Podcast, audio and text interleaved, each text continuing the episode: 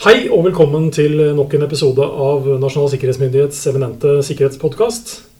Mitt navn er Roar Thon, eh, og i dag skal vi gjøre noe som er litt uvanlig. For vi skal ikke bare prate om sikkerhet, vi skal filme sikkerhet også. I hvert fall når vi prater om det. Det er altså oktober, det er nasjonal sikkerhetsmåned. Et av de temaene man under sikkerhetsmåneden setter søkelys på, er hvordan vi bedre kan beskytte oss.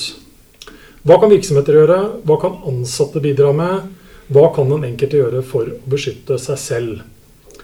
Jeg har fått med meg to veldig gode kolleger til å diskutere dette her i denne episoden. Eh, så da har jeg gleden av å presentere Lene og Harald som er med meg. Og Lene, du kan jo kanskje kort si noe om deg selv? Ja, jeg heter Lene. Jeg jobber som nestleder i Nasjonalt cybersikkerhetssenter i NSM. Jeg heter Harald, og jeg jobber som seksjonssjef med ansvar for rådgivning i det samme cybersikkerhetssenteret. Ja, så jeg har altså to kolleger fra Nasjonal cybersikkerhet med meg her. Og de skal kunne hjelpe oss litt med å snakke om hva vi kan gjøre for å sikre oss. Men Lene, vi jobber jo i Nasjonal sikkerhetsmyndighet. Er, er, det ikke vi som skal fikse alt det her, da? Altså, Trenger andre å bry seg, rett og slett? Jeg kan jo si litt om hva vi gjør, da. Ja. Vi, eh, NCC som senter feirer snart ettårsdag. Mm. Uh, og med det så har vi nå rundt 40 partnere som sitter sammen med oss her på senteret. De er fra, dekker alle sektorer, de viktigste sektorene. Sentrale tjenesteleverandører til kritisk infrastruktur. Så jeg mener at vi har et godt rik og et unikt utgangspunkt da, for å få et felles situasjonsbilde og, og, den rette innsatsen for å møte de truslene vi står overfor. Uh, I senteret har vi også en, et operasjonssenter som er 24-7 bemanna. Um, her går det ut varsler veldig ofte, og vi koordinerer håndtering av eh, en rekke hendelser. Alarmen går daglig, og ja. vi sørger for, at, eh, for å varsle alle som er berørt, og, eller som står i fare for å bli berørt. Mm. Der har vi en veldig viktig samfunnsoppdrag. Så det kan vi bidra med, men mm. Eh, det betyr jo ikke at privatpersoner og virksomheter kan lene seg tilbake, dessverre. Vi tilbyr verktøy og råd, som vi skal komme litt tilbake til etterpå. Ja. men men de som sitter nærmest, er de som må gjøre jobben. Det, det krever enorm eh, spesialistkompetanse og bransjekunnskap for å klare å sikre seg. Så vi tilbyr på en måte rammeverket, og det, ja. ja det er det vi bidrar med her. Altså Ansvaret ligger altså hos eh, bedriften som har kjøpt inn utstyret sitt. Det må de altså faktisk passe på selv, sine egne verdier. Og det gjelder også oss som enkeltpersoner også. Så, ja. så, så, vi er der til støtte og hjelp på veldig mange områder, men til syvende og sist så er, ligger ansvaret hos den enkelte. Det, det, må vi jo bare si. Sånn, sånn er det med mm. det, det, meste i samfunnet. Mm. Men vi gir jo en del råd da, mm. og anbefalinger. Vi gjør det. Vi, vi, har en del eh, tiltak og en del eh, anbefalinger. Og det er klart at de tiltakene som vi eh, foreslår, da, det det er en tiltak som vi har laget for å kunne hjelpe virksomheter til å stoppe digitale angrep. Og De er basert eh, veldig mye på de erfaringene som vi har gjort gjennom en årrekke. Mm. Gjennom egentlig det at vi drifter Redi-nettverket, at vi på en måte er involvert i hendelser. Eh, det er basert på egentlig egen utvikling av tiltak, men det er også på en måte basert på hva vi ser i industrielle standarder internasjonalt. Og Hvis vi ser på de tiltakene som NSM foreslår, så er det slik at andre lands myndigheter vil også se har lignende og tilsvarende tiltak som de anbefaler. Ja. Så det er på en måte en, en, viss grad av konsensus i industrien hvis man kan si ja. det, om hva som er god praksis. Her. Det er lite som er særnorsk, egentlig? Det er ikke noe som er særnorsk, fordi datakriminalitet eller cyberhendelser er internasjonale. Du ser ikke noen grenser Nei. i det digitale rom. Men det som er særnorsk, er jo egentlig et begrep du nevnte, da, VDI. Det har vi jo hatt en stund. Lene, hva, er, hva står det for? VDI står for Varslingssystem for digital infrastruktur. Mm. Eh, det er over 20 år gammelt. Eh, det vil si Systemet er jo blitt oppgradet etter den gang, men ideen er over 20 år gammel og baserer seg da på sensorer som plasseres ut hos sentrale virksomheter i Norge. Um, og, og, dette jobber vi med stadig vekk, med å ut, videreutvikle det og også få til en enda større bredde og dekning på mm. VDI. Så vi, ja, Det gir oss rett og slett mulighet til å detektere og varsle og se hva som skjer på viktige steder. Og ja, skaffer oss mye lærdom også. Mm. Mm. Men um, hva er tilstanden da? Sånn, når man da liksom, hvis vi sammenligner rådene vi gir, og det som da liksom skjer der ute? Ja, så er det jo litt opp og ned, hvis vi skal være ærlig. Altså det, er, det, er, slik at Vi ser jo at dessverre så er det slik at en del av de hendelsene som vi, som vi si, blir invitert inn i, eller som vi kommer borti, så ser vi at det, av og til så er det dessverre enkelte råd og sikkerhetstiltak som mangler. Selv om det på en måte burde være kjent, så har man ikke eh, prioritert eller evnet eller rukket å gjennomføre egentlig relativt enkle tiltak som kunne ha gjort situasjonen bedre for den virksomheten som blir angrepet. Så jeg tror jo at mye jobb fortsatt kan gjøres på det å bevisstgjøre myndigheter og andre organisasjoner og private bedrifter på at tiltak må gjennomføres, og de må gjennomføres nå. Det er ikke noe vi kan sette på en plan og si at vi skal en eller annen gang gjennomføre IKT-sikkerhetstiltak. Mm. IKT-sikkerhetstiltak det må gis prioritet nå. Mm. Men Lene, jeg regner med at du kanskje har en del dialog opp mot en del virksomheter i, i mange forskjellige sammenhenger. Eh, og én ting er jo liksom å følge våre spesielle altså anbefalinger og råd som sådan eh, for å forebygge, men, men, men forstår de godt nok hvorfor de rådene er der? Altså situasjonen de står overfor? Jeg vil si at veldig mange gjør det. Mm. De har å si, levd en stund, og de har fulgt med på dette kalde trusselbildet og landskapet ja. over lang tid. Men det er klart, det å gå fra å forstå det til å vite helt konkret hva man må gjøre, og når, hva er viktigst å gjøre først. Mm. Der tror jeg veldig mange trenger hjelp, også fra oss. Og så er det klart, eh, utviklingen teknologisk er jo enorm. Og det å på en måte omstille seg da, og de rådene vi ga for fem år siden, de er kanskje ikke aktuelle lenger. Så det krever en, noen diskusjoner både på veldig teknisk nivå, men også strategisk. da. Hvilke mm. store prioriteringer må vi gjøre. Ja, og så er det jo Det koster penger, det er dyrt. Altså det, det, det, er jo, de tar jo ressurser. Mm. Jeg er litt sånn uh, tilbøyelig til å si at digitale tiltak er ikke i nærheten av dyrt sammenlignet med konsekvensene av å ikke ha gjennomført det. Men, men hvis, du ikke, hvis, du, hvis, du sånn sett da ikke fullt ut forstår at dette kan ramme deg, så, så ser jeg hvordan det regnestykket kan gå på mm. likevel. Da. Mm. Fordi det virker jo som at en del nærmest tror at man bare skal ha, ha utrolig mye uflaks for, for, å bli truffet av dette her. Det er dessverre ikke sant. Det, det, vi snakker om, er at det er godt organiserte, systematiske aktører som har veldig store ressurser, eh, og som ofte har veldig lang eh, på måte, tid på seg. De har god tid når de planlegger og gjennomfører digitale operasjoner, enten det er kriminell eller annen, annen intensjon. Eh, så det å tro at dette er på en måte bare uflaks, det er dessverre ikke tilfellet. Ja. Det er systematiske aktører der ute, og man må beskytte seg med det eh, som en del av bevisstheten.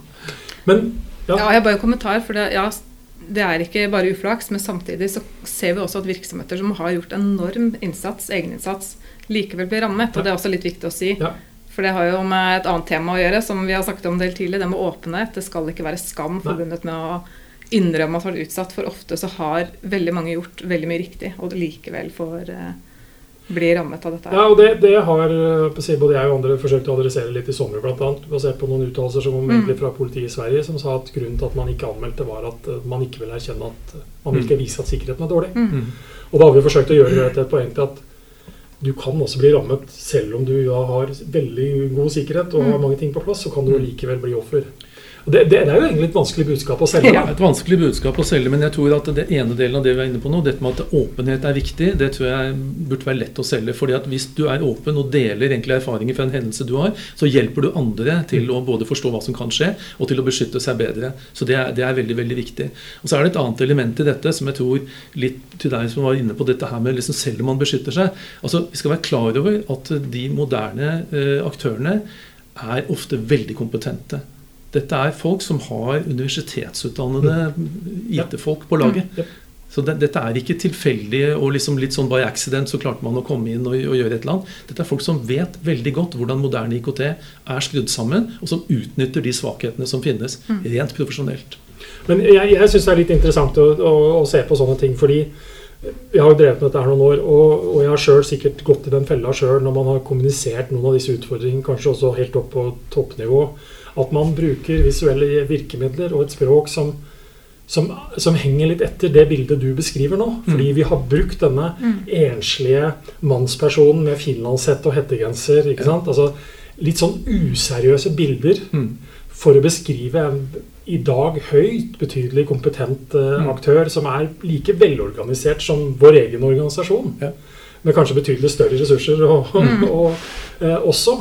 Så vi har, liksom, vi, vi har, skapt et bilde også som er litt med å ødelegge litt for oss sjøl og vårt eget budskap. Da. Det er nok riktig. Men det har også vært en utvikling her. fordi at mye egentlig kan du si, datakriminalitet eller hacking starta jo ofte på en måte litt ustrukturert og i, i, mye enklere former. Men nå er det på en måte blitt et, et, et våpen som brukes både i organisert kriminell virksomhet, mm. og det brukes egentlig også av statlige aktører. Ja.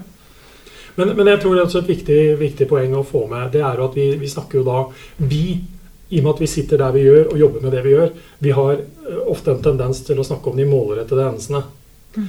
Uh, og når vi gjør det, så blir risikoen for at det er, igjen er lett å tenke at ja, men ingen er da interessert i meg, for jeg driver bare med dette, jeg er i denne sektoren, og jeg har bare disse leveransene.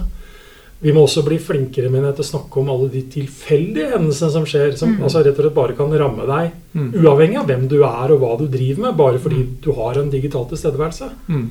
Så, så, igjen, det er så mange sånne småfeller å gå i mm. eh, på hvordan vi ja, skal, skal, få fram det budskapet. da. Mm. Helt klart. Og, og, det er klart at eh, det å på en måte ha en teknisk god beredskap er veldig viktig. Sånn at jeg, jeg har jo eh, litt lyst til å snakke bitte lite grann om, om, grunnprinsippene våre for IKT-sikkerhet. Ja. Fordi de, de, berører jo egentlig tekniske aspekter av IKT-sikkerhet. Og dette er tiltak som virker. Uh, og, og, og, det er klart at Dette er en lang liste av ganske dype tekniske tiltak som vi ikke skal gå inn på nå. Men overordnet da, så er det jo noen sånne hovedelementer som jeg tror man skal merke seg. For det første så må man jo ha en oversikt over maskiner og programvare som du har i ditt system. Hva er det jeg faktisk har? Og så må du passe på at du faser ut eldre systemer. Fase ut legacy, fase ut ting som ikke lenger er aktuelt så må du fjerne det som er vanlige, kjente sårbarheter. Tilbake til det jeg nevnte i sted. at Av og til så er det kjente egentlig angrepsflater, men man har ikke gjort noe med det likevel. Mm. Fjern det som er kjent, vanlige sårbarhetsflater, og gjennomfør sikkerhetsoppdateringer. Og sikkerhetsoppdateringer det må gjennomføres så raskt man overhodet kan. Det er veldig, veldig viktig. Uh, og så er det det å ha tilgangsstyring, altså det å være sikker på hvem som faktisk kommer inn i systemene dine, hvem som får aksess. Og Det går jo på å bruke flerfaktorautentisering. Det går på at du har en god passordpolicy med sterke og unike passord. Um, og så mener jeg at generelt så bør man ha et fokus på å ha en digital beredskap. Dette med sikkerhetskopi for eksempel, det er jo noe som er helt nødvendig. Skal du klare å hente inn systemet ditt hvis det er blitt på en måte utsatt for et ransomware-angrep, eller hvis du på en måte også ved et uhell har mistet egentlig kopien din, så er det veldig viktig at du faktisk har en god sikkerhetskopi. Og den må ligge på et isolert system. Den kan ikke ligge på det samme systemet, den må ligge på et isolert system, og helst på et fysisk sett annet sted. Og Dette er jo på en måte ikke veldig avanserte tiltak å gjennomføre. Og det er ikke veldig dyre tiltak å gjennomføre nødvendigvis, men de kan være helt avgjørende når eller hvis en hendelse inntreffer. Jeg er veldig fascinert av det du sier om sikkerhetskopi. For det går vi, går vi 20 år tilbake, når vi holdt på med disketter mm. og gjorde det, så var jo mantraet at man måtte jo ha denne sikkerhetskopien, denne ja. backupen hele tida. Ja. På et eller annet tidspunkt så forsvant det litt. Mm. Sånn, altså, ja, man hadde det kanskje liksom langt, langt både systematisert osv. Men vi har jo hatt opplevelser av at virksomheter har hatt backup. Mm. Men de har aldri sjekka om de egentlig er i stand til å komme, kan bruke den og ta seg selv tilbake igjen i den tilstanden de var i. Nei, og Det er jo noe av det som, som vi prediker litt. Grann. Det er ja. det at det hjelper jo ikke at du, faktisk, at du bare har en sikkerhetskopi, men du må faktisk også trene på å legge den tilbake. Mm. Og sjekke at du faktisk klarer å, re å restarte systemene ja. basert på den kopien. Mm. Uh, og det kan være en interessant eh, øvelse. Mm. Det, det, vet jeg. Ja, det, det er noen som har måttet forsøke, for å si det sånn. Det, det er noen som måtte forsøke på det. Ja. Uh, men igjen, da. Eh, Lene, vi har, vi har, jobbet i NSM sammen en del, god del år nå. Mm. Eh, det Harald sier her med noen av disse rådene, det er jo ikke ukjente ting. Nei, det er, eh, det er jo morsomt at du sier, hvis du spoler tilbake, eller mm. ser tilbake da, i alle publikasjonene vi har kommet med siden altså 2006-2007, så er det mye av det samme. Men det betyr ikke at ikke folk har tatt inn over seg, tror jeg, men det er allikevel noen av disse enkleste mekanismene for å klare å mm. lykkes med angrep, mm. de, de fins fortsatt. Altså De vil stå seg over eh, Jeg vil tippe de neste fem-ti årene til. Um, og så er det jo klart at vi husker vi skrev om kompleksitet i datasystemer allerede på 80-tallet. Ja. Uh, og det også kan du nesten bare kopiere og skrive i en ny stortingsmelding nå i dag. Mm. Men uh, men det er allikevel en enda større kompleksitet enn det var den gangen. Men, eh, og det krever at man hele tiden jobber og utvikler eh, og oppdaterer disse systemene. Og så er det en annen ting, for Du nevner jo grunnprinsippene. og jeg synes det har vært de siste årene har det vært Det har alltid vært morsomt å være ansatt i NSM, men de siste årene syns jeg det har vært litt ekstra stas. fordi nesten uansett hvor jeg har vært hen, i de jeg har dialog med, på konferanser og andre steder, så hører jeg utrolig mange fagmennesker som liksom ikke har noe med oss å gjøre, nevne grunnprinsippene som liksom the one place to go to. Altså til å mm. liksom starte der. Mm. Uh, og det syns jeg er uh, utrolig morsomt. Og så er det jo andre fagområder i NSM som har oppdaget grunnprinsipper. Mm. uh, så det kommer jo andre fagområder etter òg. Og det får meg til å tenke på at dette handler jo også ikke bare om IKT. Det handler jo om å greie å sikre dette her i et mye større perspektiv. Det handler om sikkerhetsstyring sett i et virksomhetsperspektiv. Det, det, er helt klart at det er veldig viktig. og og, og det, si, det, går jo på hele veien ned. altså at Du må jo kunne sikre også der hvor terminaler tilknyttet IKT-systemet ditt er, f.eks. Og du må ha en bevissthet rundt personalet ditt. Og du må ha en bevissthet på hvem er det som har tilgang til utstyret ditt. altså Det er mange slike ting. Dessuten så har jeg lyst til å legge litt til uh, dette som Lene nevner, at, at det er blitt mer komplekst. og det, det, det, er helt riktig. Dessuten så er det blitt litt annerledes. fordi at vi er jo på en måte inne i en, litt en sånn transformasjonsperiode hvor veldig mye av den måten man tradisjonelt rigget IKT på, er blitt litt annerledes. Da tenker jeg spesielt på skytjenester. Mm. Veldig mye av egentlig eh, både offentlig og privat virksomhet legger stadig flere av sine egentlig digitale verdier opp i en sky eller ut i en sky. Eh, det som passer. Og det krever en litt annen disiplin. for det betyr at du overlater til noen andre på mange måter å ta hånd om dine digitale verdier. Mm. Men det er fortsatt dine verdier, og du må fortsatt ha en styringsmodell for hvordan egentlig blir disse verdiene ivaretatt. Og du må også ha en bevissthet på hvem som kan aksessere dem. Du må ha tanker om hvordan får jeg tak i dem dersom jeg f.eks. har problemer med kommunikasjonsnettverkene mine? Fordi det hjelper ikke om dine data og IKT systemet ligger i en sky hvis du ikke får kontakt med skyen. Så det, det innfører nye dimensjoner i mm. hvordan vi må tenke rundt, organisere oss rundt IT-virksomhet.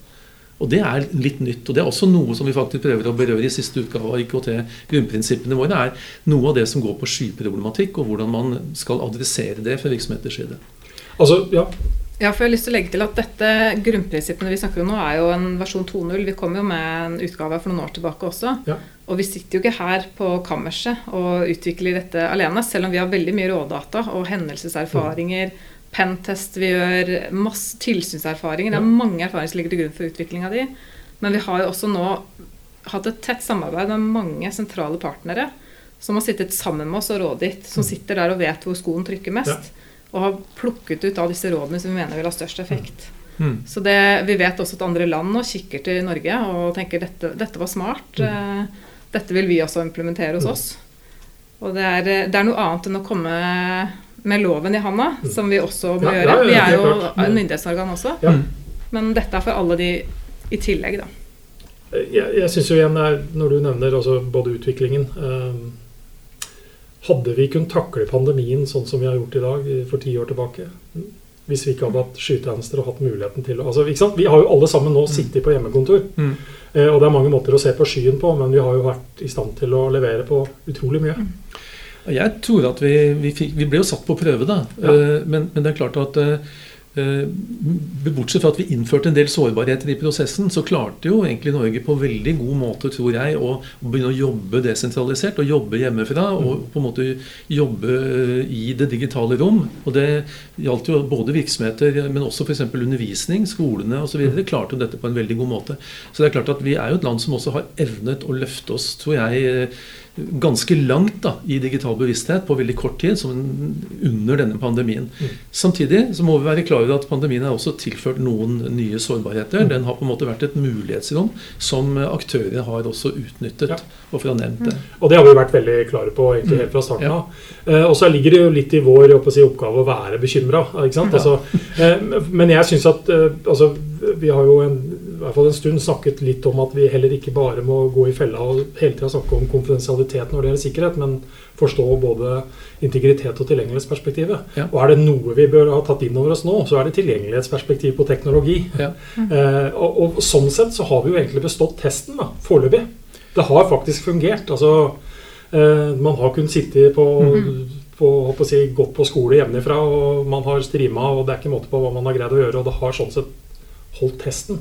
Ja, På mange måter så har jo egentlig dette fungert eh, veldig bra. Ja, og så er vi allikevel bekymra, men det er jobben vår å være. Det er vår, det er vår jobb å være, og det, det, går jo veldig mye på det at vi har flyttet mye egentlig tilgang og infrastruktur i, i IKT-systemet ut. Så vi har distribuert det ut. og det, det, det gir noen sårbarhetsflater. Og så er det også en, en på en måte en litt sånn generell ting som en følge av, av denne digitaliseringsbølgen som vi er igjennom. Og, og, det er det at Før så hadde vi jo alle våre verdier låst inn i stålskap. og De visste vi hvor var, og de sto bak en panserdør. Det var på en måte mulig å holde oversikt over det.